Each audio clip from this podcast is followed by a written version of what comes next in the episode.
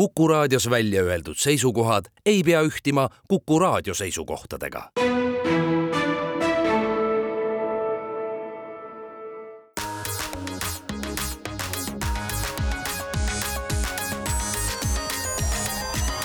digitund. digitunnile ja digimaailmale annab hoogu Telia tere hommikust, Kuku raadio kuulajad, Digitund alustab, stuudios on Andrus Raudsalu, Mait Tafenau ja Indrek Vaheoja. ja et on suvine aeg, ei ole me siin stuudios otse, vaid oleme saate ette salvestanud, nii et me kõikide täiesti viimaste eilsete juhtumite pealt täna analüüsi tegema ei hakka. aga hakkame siit pihta natukene lõbusama ja kergema uudisega, mitte siis turvauudistega nagu tavaliselt ja nüüd on siis Elon Musk'i vanemad ka sõna võtnud selle kohta, et Musk ja Zuckerberg peaksid siis omavahel MMA võitluseks eh, siis puuris kokku minema ja nagu arvata võib, ei ole nad siis oma viiekümne kahe aastase pojakese otsustega üldse rahul. Musk'i ema on öelnud eh, siis seda, et, et tema arvates on see matš täiesti ebavajalik ja ta oma peas on selle juba ära cancel danud, et ta noh, manifesteerib seda kogu aeg kõigile ette, et, et ei ole mingit matši ja selline asi tuleks ära lõpetada. minu arust ikkagi Musk'i ema vist ütles ka seda, et ta vist pakkus välja alternatiivse lahendamise, lahenduse, et ei toimu mitte mitte nagu füüsilist jõu katsumist, vaid, vaid siis rebitakse kildu ja kes kõvemini kildu rebib, siis oli, see jääb võitjaks. oli niimoodi, aga, aga Musk'i isa on nüüd ka sõna võtnud ja Musk'i isa siis ütleb seda, et Elon Musk'il pole üldse siin mingit head varianti, et hoolimata sellest, et kas ta võidab või kaotab, kui ta võidab, siis öeldakse, no jaa, aga et mis tal viga võita, käed on nii palju pikemad, ise on nii palju suurem, ise on nii palju raskem, loomulikult, eks ole, bulli. ja kui ta peaks kaotama, siis noh, ei ole üldse mingit küsimust, et näed, et isegi nii väiksele mehele kaotas, et, et põhimõtteliselt on tema ainult äh, selliste halbade valikute ees. minu arust Musk ise Twitteris kuskil ütles selle peale, et, et mul on piinlik vanemad, et. ja, ja, ja aga, aga no muidugi mina arvan, et siin võib-olla soovituseks Elon Musk'i emale, et nüüd toita ikkagi Musk'i kõvasti nagu äh, ennem seda matši, et. puder see, korralikult valmis keeta. et see morsa taktika, mida siis Musk lubas rakendada Zuckerbergi peale, et see siis ikkagi võimalikult hästi välja tuleks. kes eelmist saadet ei kuulanud, siis morsa taktika oli see, et Musk kavatseb lihtsalt Zuckerbergi peale viskuda ja siis seal äh, lebada ja lömastada ta oma raskusega. aga et äh, noh, et me ei jääks nii ühepoolseks äh, siin maski kajata, kajastamisel, siis inimesed internetis on ka nalja teinud selle kohta, et kui Zuckerberg peaks võitma, no mis viga nii vanameest peksta, eks ju, noorel mehel et, et ikkagi ootame seda lõbusat matši. meenutame ka korraks, miks nad ikka kaklevad. no eks nad ju kaklevad sellepärast, et Twitterile konkurent peaks hakkama varsti meil tekkima Instagrami näol, eks ju. Läheme siit nüüd tõsisemate uudistega edasi ja The Times on meile kirjutanud siis seda, et Euroopa Liit on järele andnud Prantsusmaa survele ja mis tahes kriminaaluurimise raames võib nüüd siis Euroopa Liidus töötava ajakirjaniku arvutisse või telefoni paigaldada nuhkvara selleks, et, et siis olla uurimises tasemel. Ja kui siis varem oli siis sellised terrorismi või riigi julgeolekut ähvardavad äh, kuriteod seal ainult nimistus, millega võis äh, siis sellist nuhkvara parandada, siis Prantsusmaa nõudmisel lisati sinna veel juurde kolmkümmend kaks kuritegu, seal on siis mõrvad, vargused, aga näiteks ka muusikapiraatlus. nii et see viimane on nagu eriti, eriti kummaline. just, see on eriti kummaline just mitmel erineval põhjusel, et esiteks noh, vaata üks asi on selles, et nõua välja, kus on see seaduslik alus, aga et, et, et nuhkvara paigaldamine, mis on nagu noh, see on ikkagi hoopis teine tase, et sa nuhid kellegi järgi, eks noh, noh, ma saan aru, vanasti oli niisugune asi nagu telefoni kuulati pealt, eks ju, sellepärast et, eks ju, sul oli volid, eks ju. aga nuhkvara arvutis, see on juba nagu, nagu igas mõttes ülisuurt dimensioon sügavamal. minu arvates ei ole muidugi suurt vahet sellel, et kas sinu telefoni kuulatakse pealt, on ju, kas seda istub keegi kõrvaklappidega kuskil puldis ja kuulab pealt, mida sa räägid. aeg on edasi läinud, eks ju. sinu e-kirju või, või, või ma ei tea, mingisuguseid foorumi postitusi või mida iganes, eks on ju, et, et noh, ma arvan, et vahet ei ole on ju. Kusjuures... ajalugu ka, vaat see on see erinevus, üks on see, mida sa praegu teed, arvutis on sul tegelikult terve elu, eks ju, et see on see, mis sa oled teinud, eks ju, ja, ja noh, kõike muud ka. nojah, aga paraku midagi ei ole teha, eks, aga, aga iga kord, kui on vaata tekkinud siin lahvatanud mingid skandaalid, et noh, enamasti need tavaliselt need, need ettevõtted, kes siis seda nuhkvara müüvad ja toodavad, mis siis, mida enamused valitsused kasutavad, siis need on tavaliselt mingid Iisraeli ettevõtted ja nende ümber ikkagi aeg-ajalt on mingeid skandaale lahvatanud. Ja iga kord on välja tulnud ikkagi ka see, et no ei ole siis ainult mingisugused diktaatorid, kes seda nuhkvara kasutavad, vaid, vaid noh, kui need kliendilistid on kuidagi välja nõutud või noh, siis on ikkagi viiteid seal nagu praktiliselt kõikidele arenenud demokraatiaga riikidele, noh kaasa arvatud kõigile Euroopa Liidu liikmesriikidele või peaaegu kõigile, nii et no midagi ei ole teha, aga paraku on see reaalsus, et Lähme no, tagasi paberipliiatsi juurde. ütleme nii, et, et, et me jõuame siit ikkagi tagasi kahjuks selle düstoopilise maailmani, et kus klassikalise satiiriku Harri Lehiste tegelane kodanik Männik ütles alati, et tõeliselt vaba on see, kes teeb, mida tahab, aga tahab, mida tohib. minu arust on nagu ikkagi väike vastuolu on ka selles, et mitte väikene vastuolu, see on isegi päris fataalne vastuolu selles, et vaadake, ajakirjandus on ikkagi demokraatia üks alustalades, eks ju, ja kui me nagu ajakirjanikul ei jäta nagu õigust allika puutumatusele ja kõigele muule, siis tegelikult me õõnestame kogu seda pinda, sest noh, keegi ei saa tulla enam vilet puhuma nii kergesti, sest ta võib sattuda samamoodi uurimises välja Prantsusmaa ja... ütleb selle kohta, et vajalik on leida õiglane tasakaal, tuleb kaitsta ajakirjanike allikate konfidentsiaalsust ja samuti kaitsta kodanikke ja riiki siis no, tõsiste ohtude eest. teame küll, kuidas need lekked juhtuvad, eks ju, sealt omakorda vilistatakse edasi ja igal vilepuhul on teine vilepuhuja. nojah, aga ega see paraku igasugune igasuguse sellise terrorismi ja kõige muuga on alati tekkinud see olukord, et, et, et selle taha poetakse selleks, et võtta ära mingisuguseid laiemaid vabadusi või siis mida ütleme, pärast et, enam kunagi tagasi ei saa, eks ju. ja noh, ja ütleme, et ajakirjandus on ikkagi esimene, keda piirama hakatakse, nii et ma ei tea, minu arust igal juhul see on samm diktaatorluse jällegi poole, et, et noh, lõpetame igasuguse lõpuks nagu võimaluse üldsegi esindada seda kolmandat võimu. noh, sest lõppkokkuvõttes on ju see, et, et tegelikult äh, ajakirjanik, noh, me peame leidma ka inimesi, kes tahavad ühel hetkel ikkagi ajakirjanik nagu töötada ja kui nad noh, kuidagi on nagu mingisuguse erijälgimise all, eks, et noh, et täna ei ole ju nagu see, et, et, et kõikide keevitajate, kassapidajate või taksojuhtide telefoni võib panna nuhkvara ja siis vaadata, millega nad tegelevad, aga millegipärast ajakirjaniku telefoni võib. ja noh, ega siis ajakirjanik ei ole kuidagi selles mõttes noh, mingis muus mõttes ju priviligeeritud klass, et tal on mingisugused muud eriõigused maailmas, eks selle tõttu, aga noh, just nagu tema järgi siis nuhkida ikkagi võib, et noh, minu arust on see ka nagu väga inetu ja ja ausalt öeldes kuidagi lühinägelik samm Euroopa Liidu poolt, aga no mis seal teha. ma arvan, et lähme siit siis edasi võib-olla mõnes mõttes ka nagu Euroopa Liitu puudutavate uudistega, mis on natuke või noh, siis oluliselt isegi võiks öelda positiivsemad, et nimelt on siis äh, tulnud uudis selle kohta, et äh, maailma üks suurimaid kiibitootjaid, ma ei tea nüüd, mitmes see Intel täpselt seal kiibitootjate listis on, et aga Intel siis plaanib avada tehase Poolas see ikka kõlab nagu koduhoovis juba peaaegu, et, et kui Poola päris naaber ei ole, siis peale seda uudise lugemist on küll niisugune tunne, et naabrite juures on juba Inteli tehas, et see on kuidagi väga kodune tunne, aga ma saan aru, et seal on ka palju põhjuseid, miks see on, on siinkandis, et, et tegelikult on vist nii, Andrus, et ühtegi nii keerulist kiibi tootmist kunagi Aasiasse viia, eks ju, et, et see on alati ikkagi hoitakse mingites noh, ütleme, et siin on äh,, siin on jah, vist küsimus on nagu natuke selles, et tegelikult on kõik äh, maailma siis juhtivad tööstusriigid ikkagi võidelnud selle nimel, et Hiina ei saaks endale nagu siis seda kõige paremat kiipide valmistamise tehnoloogiat ja noh, ma arvan, et üks noh, niisugune salamisi selline madistamine, mis toimub kogu aeg Taiwan'i ümber, on ju tegelikult tõenäoliselt seotud ka sellega, et, et teatavasti siis TSMC ehk Taiwan Semiconductor Manufacturing Company ongi maailma kõige äh, siis kuidas öelda, kõige uuenduslikumate või, või, või kõige kaasaegsemate kiipide tootja, eks enam teame seda, et kõik Apple'i kiibid on tegelikult toodetud selle ettevõtte poolt ja noh, siiamaani ikkagi enamasti need tehased asusid Taiwanis, nüüd on nad hakanud ehitama tehaseid ka Ameerika Ühendriikide pinnale ja tegelikult see, et sul on see kiibi tootmise nagu võimekus olemas, et see on noh, ütleme, tänapäeva maailmas ikkagi väga suur edutegur. noh, iseenesest jällegi selline tehas maksab äh, miljardeid, noh, ütleme, et tegelikult üks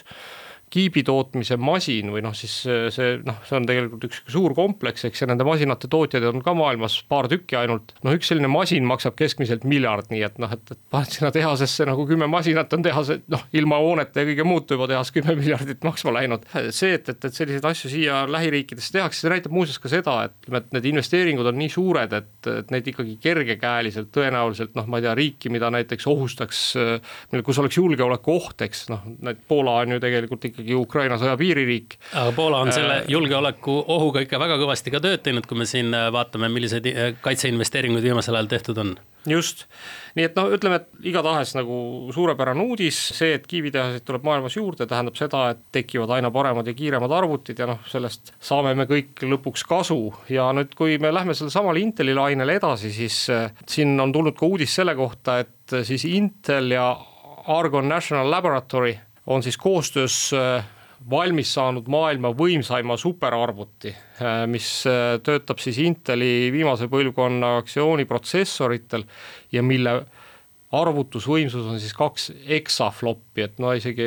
päris palju ei, jah. ei kujuta ette jah. tavaliselt me räägime terafloppidest, eks ju, protsessori mõõtmisel tegu on siis arvutiga, mis noh, nii nagu kõik superarvutid, eks tänapäeval kõigepealt siis hakkab tegelema tehisintellekti arendamisega ja seejärel hakkab siis eh, muu, muuhulgas ka igasuguseid keerulisi looduslikke protsesse ette ennustama, noh ilma ja, ja, ja, ja mis iganes muud. aga lähme siitkohalt nüüd reklaamipausile.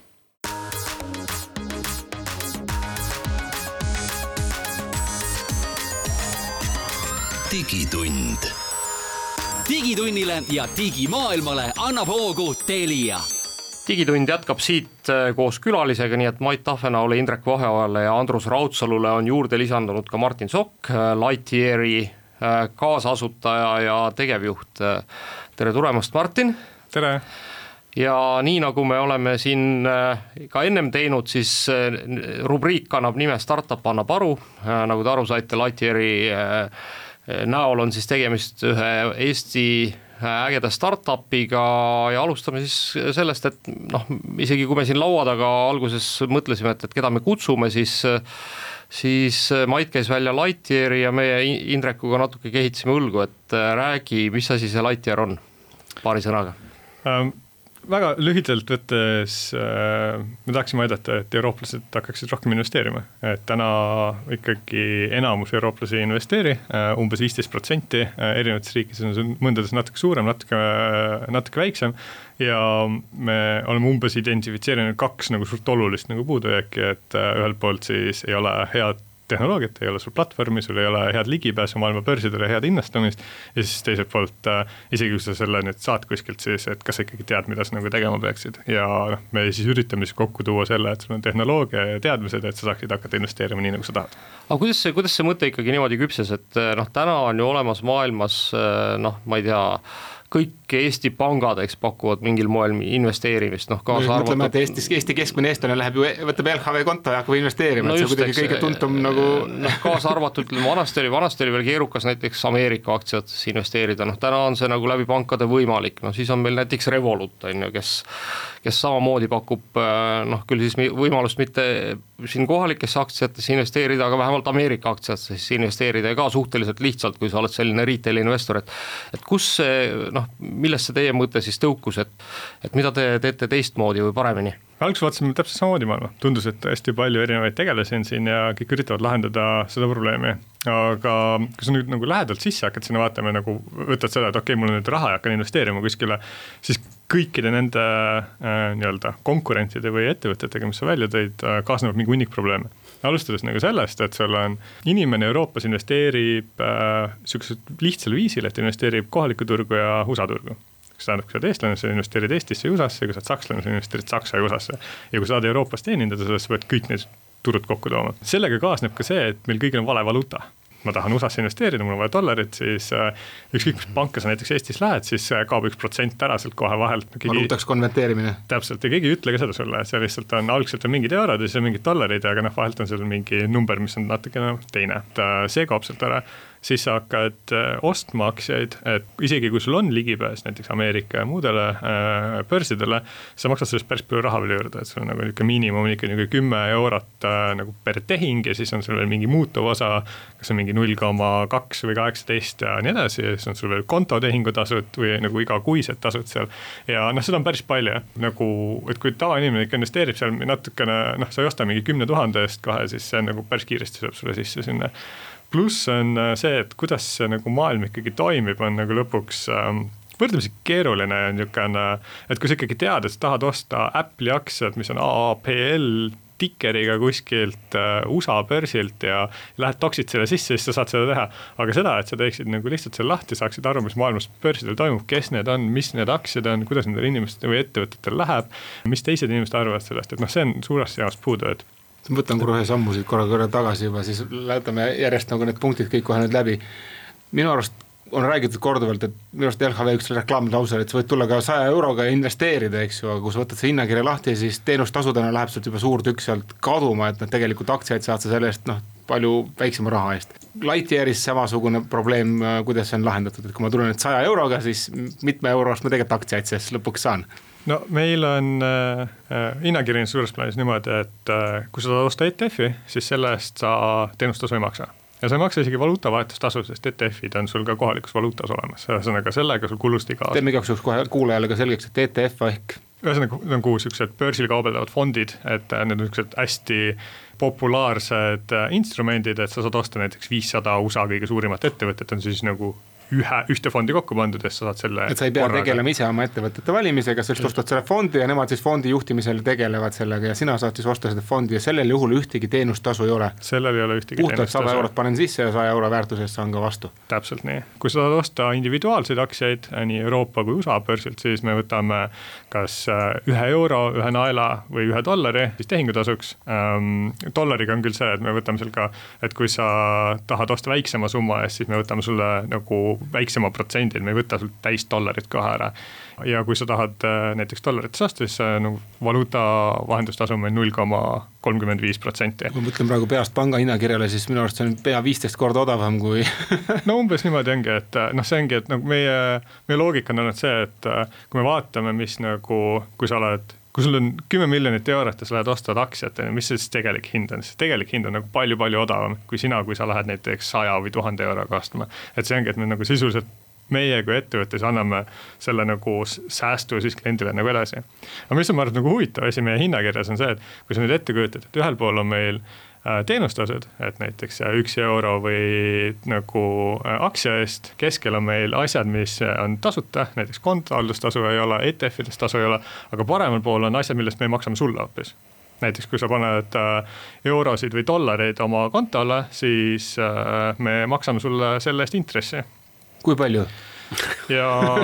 täna on näiteks euro on kaks koma seitsekümmend viis protsenti, dollar on neli koma kakskümmend viis ja nael on ka neli koma kakskümmend viis protsenti. okei okay,, need on aastased intressid? Need on aastased intressid, need on ilma igasuguste piiranguteta, ei ole ajalist piirangut ega mahupiirangut, paned sinna peale päeva täpsusega, me maksame sulle intressi selle pealt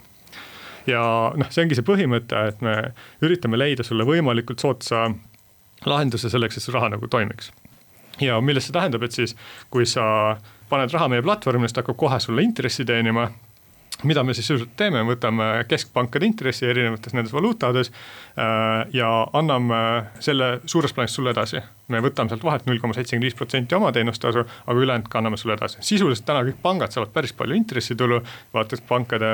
aga nagu jäävad nii palju edasi, eks ju, teie olete mm -hmm. teinud siis oma mudeli oluliselt õhema, eks ju, teenides võib-olla pigem siis hiljem suurema massi pealt. täpselt, et noh, meie näeme, et see on nagu meie klientidele täna kasulik, et noh, tegelikult on päris õige, et kui meie saame raha selle eest nagunii, siis me anname nagu enamus sellest rahast edasi. ja siis teiselt poolt, kui sa investeerid selle siis maailma aktsiaturgudele, siis su raha. siia kohe tulebki kõrvale kindlasti inimestele ka palju küsimusi, et noh, kelle kätte ma oma raha tegelikult ei usaldan või noh, selles mõttes, et olgu peale, see on ju minu raha justkui teie käes, aga noh, nagu me kõik teame, pangaraha ei kuulu mitte mulle, vaid pangaraha kuulub, noh panka pandud raha kuulub pangale ja mul tekib õigus nõue panga, pangale nõue esitada selle raha hulga vastu, mis ma sinna sisse panin, eks ju. Nüüd on niisugune asi, et noh, teie platvorm, tõstan oma raha sinna, kuidas see tagatakse, kui palju on tagatud, et, et kui te nüüd kraavi panete, et, et kui palju sealt siis nagu on tagatud, et ma kindlasti tagasi saan? tavaliselt on ju mingid piirid, eks ju, et palju on tagatud? no alustame sellest, et äh, erinevalt pangast me ei laena su raha välja et noh, meie, meil ei ole sihukest õigust, et me võtaksime raha, annaksime teistele inimestele ja siis opereeriksime seal. see raha, mida sa sisse paned, see raha eksisteerib et selles suhtes see kuhugi ei lähe. lisaks me hoiame seda nagu väga turvalistes kohtades nagu maailma suurimates investeerimisühingutes nagu BlackRock ja nii edasi, et see on nagu väga kindlates kohtades. järgmine nagu kiht nagu turvalisus seal peal on ikkagi see, et äh, me oleme reguleeritud investeerimisühing, me oleme Eestis reguleeritud investeerimisühing, Eesti Finantsinspektsioon teeb meil äh, iga, peaaegu et iga kuu erinevaid auditeid äh,, meil on äh, äriplaani mudelid erinevad nagu riskid, kuidas ta kontrollib, et meie ettevõte nagu toimib väga hästi. ja üks kõige suuremaid asju, mida nad kontrollivad, on see, et su klienti raha ja sinu ettevõtte raha on eraldi.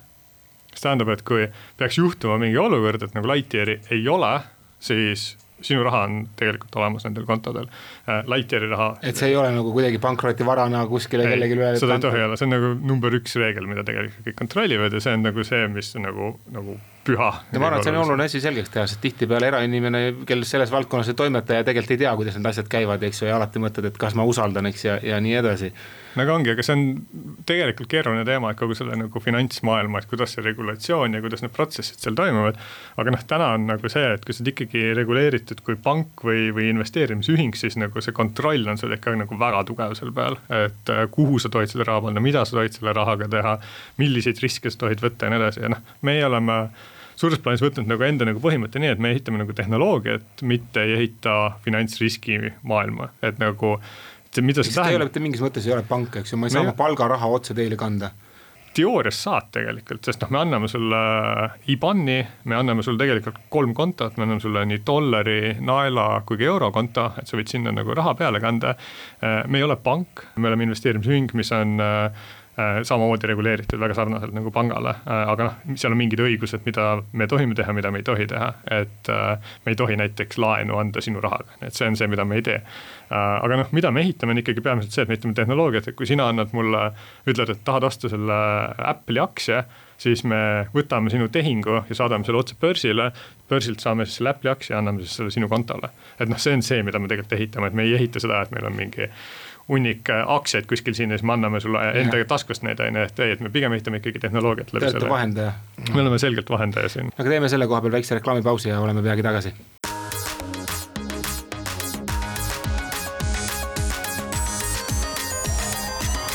digitund.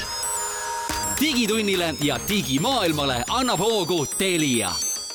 digitund jätkab oma aruandekoosolekut, sellel korral annab meile aru Martin Sokk, Eesti startup'ist Lightyear, kes tegeleb siis investeeringute vahendamisega ja nüüd Martin, sa ennist rääkisid meile seda, et äh, Lightyearis on kõik asjad oluliselt odavamad kui noh, ükskõik millisel teisel platvormil täna, millele vähemalt Eesti inimesed ligipääsu osavad, omavad, on odavamad kui pankades.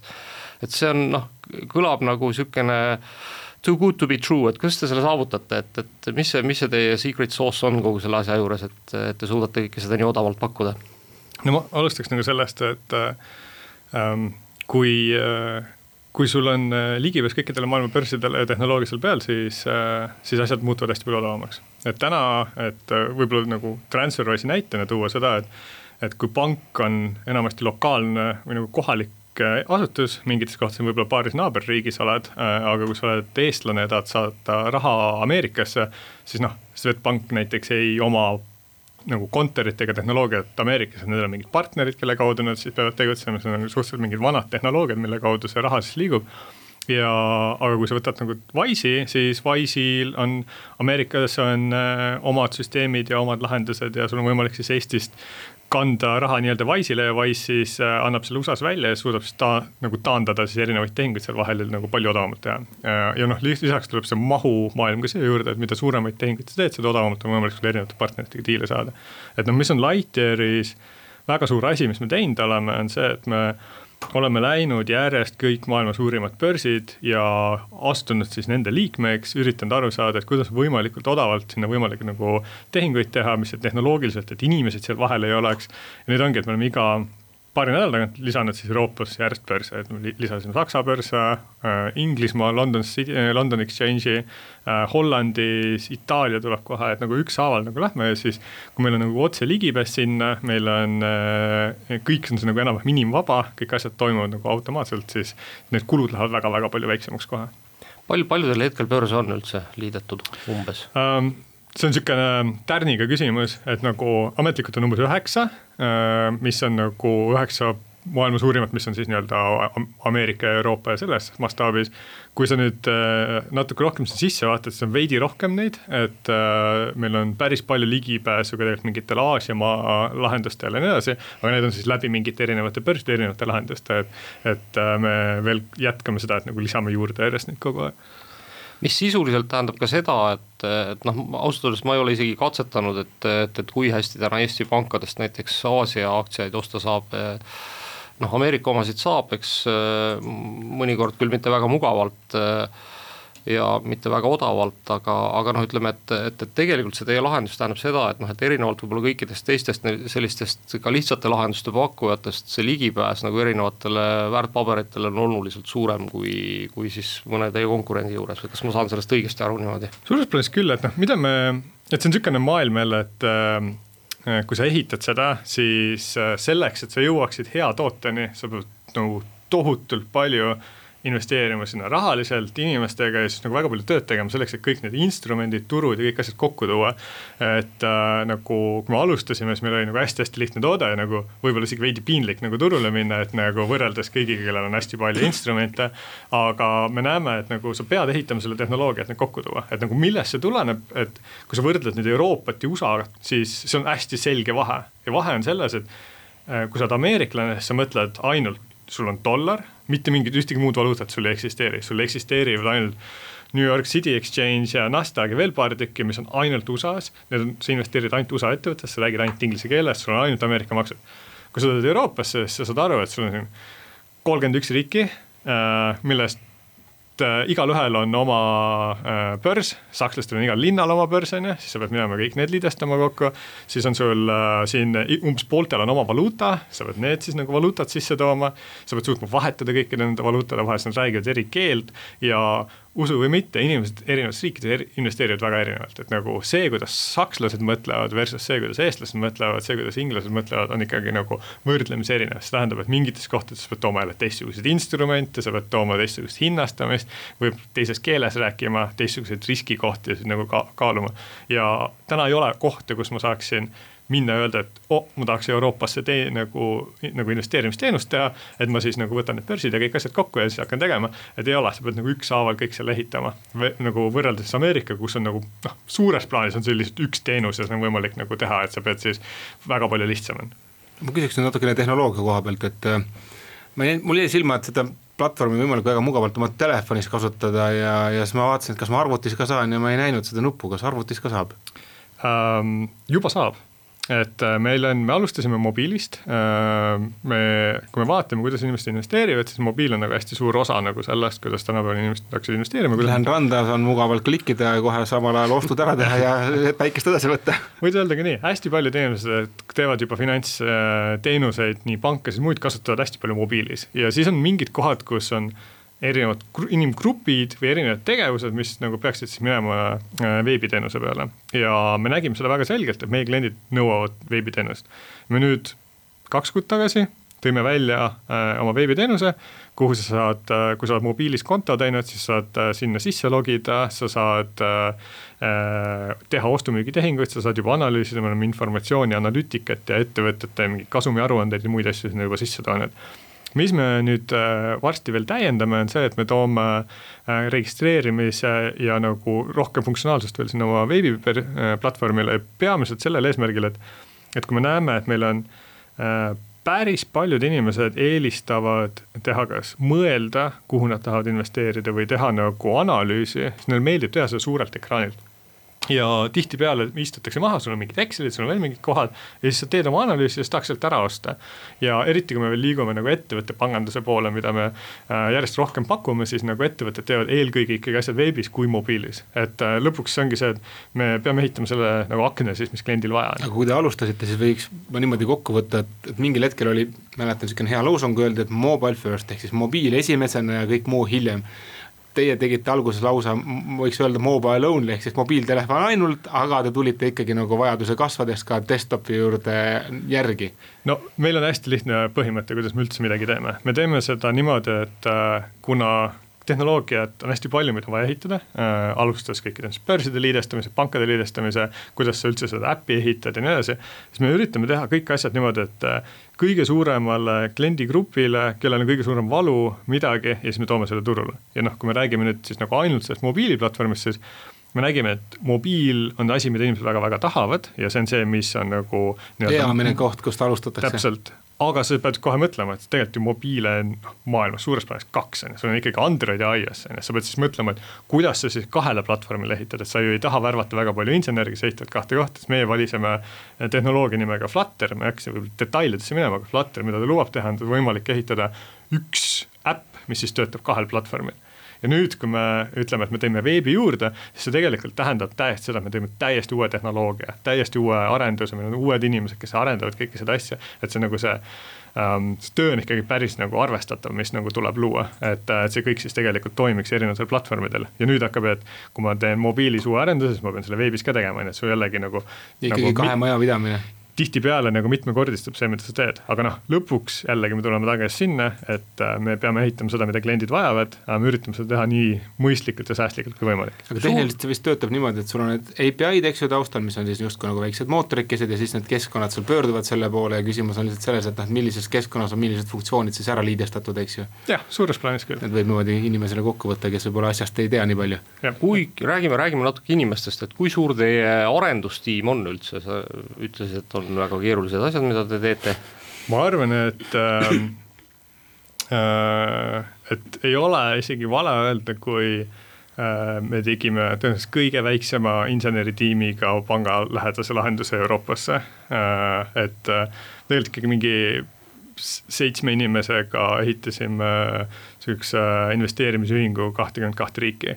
In, insenere on meil täna seal kuskil või vist on kaheksa või üheksa. Äh,, tiim kokku on kahe riigi peale äh,, Inglismaa ja Eesti peale on umbes nelikümmend viis inimest. Okei okay,, kas teil on plaan äh, lähiajal kiiresti kasvada, kus, kus sa näed? üle homme kaks tuhat töötajat. ei ole, ei, ei taha kasvada, me, me üritame mõelda sellest niimoodi, et me pigem tahaks väiksema tiimiga teha rohkem asju, kui meil on hästi palju inimesi ja siis ehitada väga palju protsesse nende inimeste vahele et me oleme avastanud, et äh, meil on, meil on hästi äge tiim. Ja milleks see nagu tiim on äge, on sellepärast, et need inimesed, kes meiega on liitunud, enamasti ei tee seda asja esimest korda. Meil on inimesed, meil on nelikümmend protsenti inimesi Wise'ist, nad on näinud, kuidas tehnoloogiat ehitada väga suurel skaalal, nad on olnud väga edukad selles meil on äh, Revolutist on tiim, meil on äh, see tiim, kes ehitas Revoluti investeerimisplatvormi, liitus meiega. meil on Robinhoodist inimesed, meil on Pipedrive'ist inimesed, meil on Boltist inimesed, kõik need inimesed on seda asja ennem teinud. ja me näeme, et sellel nagu päris äge võlu on see, et sa hoiad selle väiksena, kõik saavad joosta nagu võimalikult kiiresti ja ehitada päris asja. ja siis me peame tegema lihtsalt otsused, mida me ehitame, et ma ei usu, et me saja neljakümne viie inimesega teeksime täna palju rohkem, kui, kui me neljakümne viie inimesega teeme ja sa rääkisid praegu teistest platvormidest veel, et Revolut, Revolut on ka tuntud, eks ju, investeerimisplatvorm võib-olla paljudele, kes tahavad esimest korda investeerida, aga seal on mingi hunnik ka samuti, nagu sa ütlesid, piiranguid. sest nad on mingid valikud teinud, et mida siis tegelikult tasub sinna arendada ja mida ei ole mõtet sinna arendada, et kui sa täna võrdled nüüd ennast Revolutiga, siis, siis milles see erinevus on kõige peamiselt? Revolut on täitsa äge nagu platvorm, et aga mida nüüd nagu nende nagu põhimõte on see, et nad üritavad siis kõike ehitada ähm,, kõiki lahendusi tu tuua turule, aga need on kõik siuksed hästi pinnapealsed. Et nagu, et sul on mingi pangakonto, aga ta on ikkagi niisugune, et sa saad pooled asjad teha, pooled asjad pead ikkagi Eestis kohalikus pangas tegema, sul on investeerimisplatvorm seal, aga sa saad ainult osta ainult USA aktsiaid ja sa ei saa ETF-e ega kohalikke aktsiaid ja, ja noh, ärikontosid. Ja noh, see list on nagu pikk, mida sa nagu teha ei saa, et sa saad osta selle Apple'i ära sealt, aga kui sa tahaks natukene rohkem teha või mõelda või, või endale nagu maksudega kasumlikult või kohalikku lahendust teha, seda ei eksisteeri. Kuulge, aga lähme siit korraks reklaamipausile ja siis me kuulame sind edasi üle.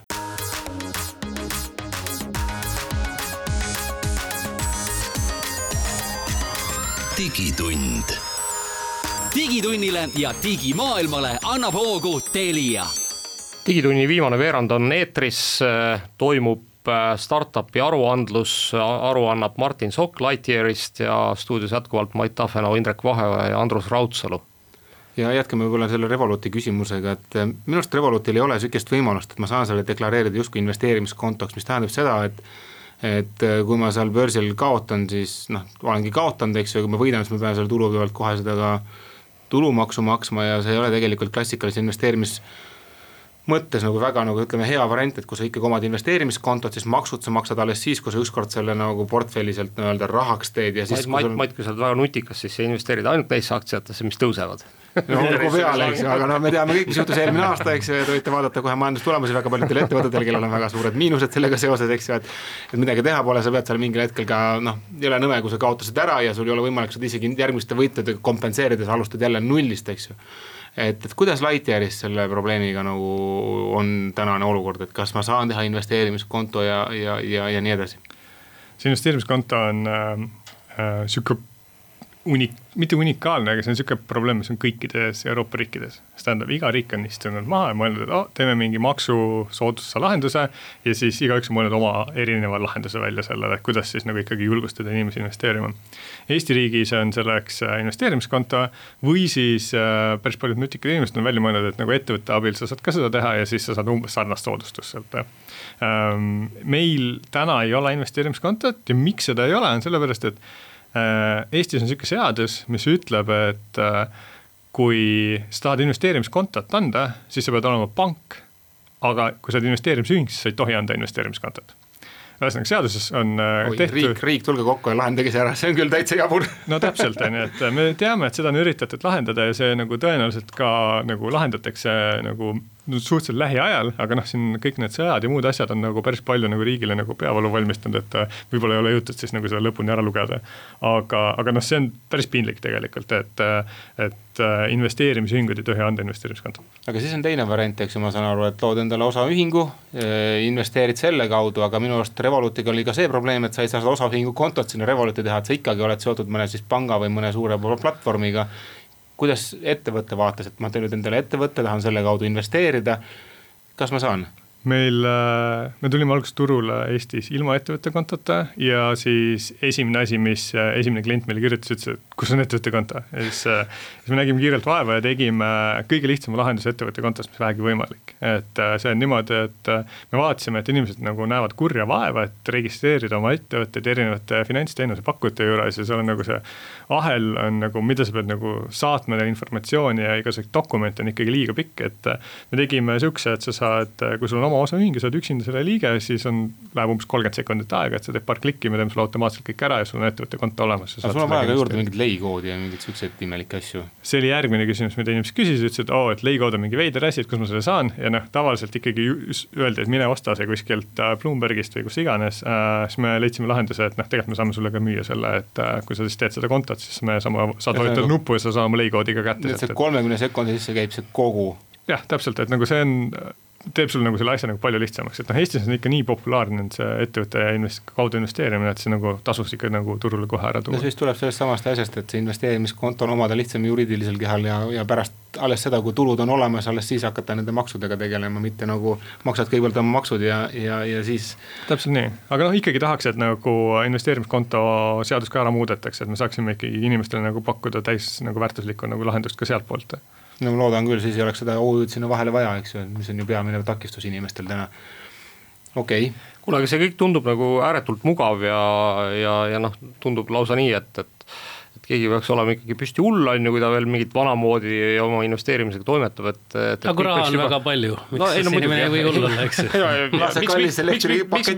miks mitte toetada Rootsi pankasid aga äh, räägime klientidest, et palju teil täna on kliente meil on, äh, me oleme nüüd turul olnud kas kümme kuud äkki või, et äh, me oleme suhteliselt nagu alguses omadega äh,. aga me kasvame päris jõudsalt, me ei ole oma klientide arvu avalikustanud, sest see muutub iga kuu päris jõudsalt praegu, aga eelmine aasta, me oleme nüüd kaks aastat koos Inglismaa turuga olnud nagu äh, laivis ja me umbes kümme korda aastas kasvanud, sest eelmine aasta oli neliteist korda, see aasta kasvab umbes kümme korda, et. et no me näeme täna seda, et äh, nii Eestis, Inglismaal ja Ungaris ja Hollandis, et erinevates kohtades nõudlus on nagu, on päris äge, et äh, me nagu peamine nagu viis, kuidas me siis nagu läheneme kliendile, on siis tegelikult ehitada lihtsalt head toode. ja siis see inimene läheb, kui ta saab nagu kasu sellest tootest, ta läheb, kutsub selle järgmise inimese ja, ja läbi selle siis me oleme kasvanud päris hästi. et teil on põhimõtteliselt suust suhu turundus? Seda on päris palju, et kui me vaatame ähm, protsentuaalselt, kust tulevad inimesed, siis nagu valdavalt kõige suurem osa on suht suhuturundus, et äh, lihtsalt inimene, kellele sobib, see läheb, kutsub järgmise inimese. aga Martin, kui sina nüüd oled selle ettevõtte nagu algusest lõpuni nagu tänasel päeval nagu juures ju olnud ja, ja, ja seda nii-öelda kasvatanud ja ehitanud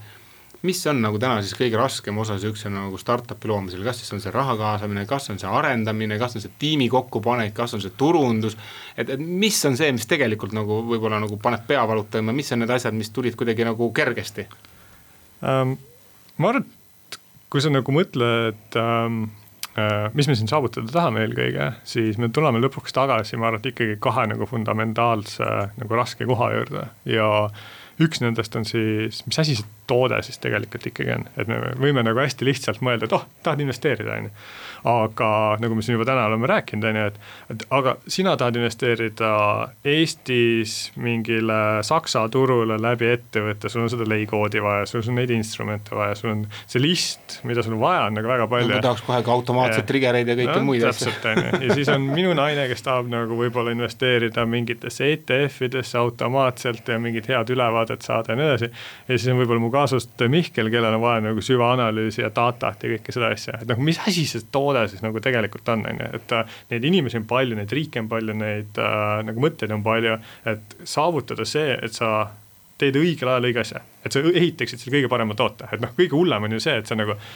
sul on, näed palju vaeva, sul on palju inimesi, sa ehitad mingi asja, kedagi ei huvita see asi, on ju, et nagu, nagu. ja ei tööta ka veel kõigile lisaks. ja see on nagu hästi tavaline on see, et nagu sul on oma peas see selge, et sa nagu arvad, et see on see, on ju. aga kui sa võtad, et Euroopas on mingi neli-viissada miljonit inimest, siis nagu usu mind, enamus inimesed ei ole nagu sina. et mis asi see toode siis on? et see oleks nagu õige, et see nagu lõpuks siis viib sinna ja see, milleni see viib, on see, et siis on see järgmine raske punkt. selleks, et seda äri teha, me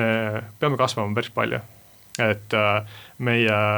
äh, me opereerime Eestis, meil on siin väga tore, aga Eestis on tegelikult ju ikkagi nagu suhteliselt murdosa inimesi, kes Euroopas opereerivad. ja kui me viime selle skaala peale, siis on meil võimalus seda kõike asja nagu palju odavamalt ja lihtsamaks ja nii teha. nüüd on siis küsimus, et kuidas me siis viime siis tegelikult nende inimeste juurde. et kõik see ülejäänud asi, mis on, võiks öelda nagu deterministlik et nagu sul on mingi raha kaasamine, sul on mingi regulatiivne, sul on mingi operatsi-, operatsiooniline maailm, need kõik on nagu väga-väga rasked, aga need on rohkem nagu arusaadavad, et ma pean ehitama selle protsessi, sellised inimesed nagu opereerima siin ja ma pean seda efektiivselt tegema. aga noh, ikkagi see toode on nagu, toode ja kuidas sa seda asja viid siis nagu õigete inimesteni nagu päris, päris keeruline et noh, siin me oleme hästi nagu brutaalsed olnud, et nagu kogu aeg räägime inimestega, kui me ikkagi tahame teada, kuidas Ungaris toodet teha, siis me lendame ikka kohale, istume maha inimestega, räägime, analüüsime, teeme nagu uurimustöid ja siis lõpuks lähme teeme selle asja, mis nagu vaja oli. ja üritame kulutada, mitte kulutada aega selle peale, mida ei ole vaja. ehk siis defineerida probleemi on olnud tõeliselt nagu tähtis ülesanne, aru saada, et milline probleem on täpselt see õige probleem, mida lahendada. täpselt sest kogu aeg sul tulevad sisse, et aa, mine ehita krüptot ja mine too seda ja mine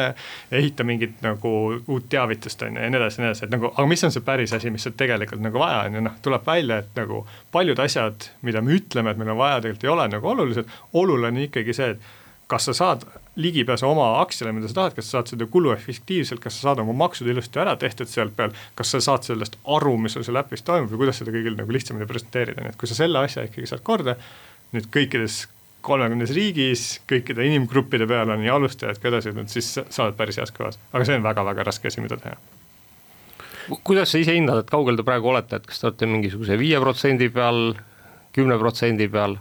selle probleemi lahend-, ei, selle probleemi lahendamisel uh,. me oleme ikka väga-väga väike. null koma viie protsendi peal. see turg on nii suur, et see on nagu, nagu need triljonid mis sellest maailmast läbi käivad, et me nagu isegi ei nagu, nagu alles alustame seda esimest mm -hmm. sammu tehest, et nagu iga kord, kui me midagi ehitame, me näeme, et meil on mingi kasv kuskilt, siis tuleb järgmine grupp inimesi, ütleb, et kuule, et ei ole isegi puudutanud minu maailma, et noh, täna näiteks äh, üks koht, mis on äh, meile nagu hästi, hästi palju põnevust pakub, on see, et me hakkasime inimestele pakkuma intressi, äh, kõik olid nagu, et oo, et see on mingi uus asi ja siis inimesed hakkasid kasutama seda, neile väga meeldis see lahendus. ja siis tulevad nüüd nagu oma ettevõtetega, ütlevad, et oota, aga inimene, mina saan intressi, on ju, aga nagu ma tahaks ettevõttele ka mingit lahendust, on ju, mul on ju ettevõttes, ma käisin, startup ites siin raha, on ju, nüüd mul see mingi kaks miljonit kontol, et kuhu ma selle paneks. okei okay,, et nagu nüüd me ehitame siis nagu endale ka lahenduse, on ju, ja nüüd see nagu kasvab niimoodi järjest rohkem, siis sa saad aru, et see nagu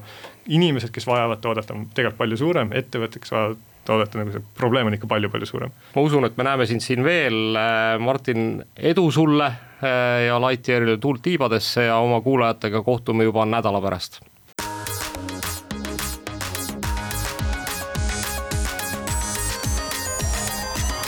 digitund. digitunnile ja digimaailmale annab hoogu Telia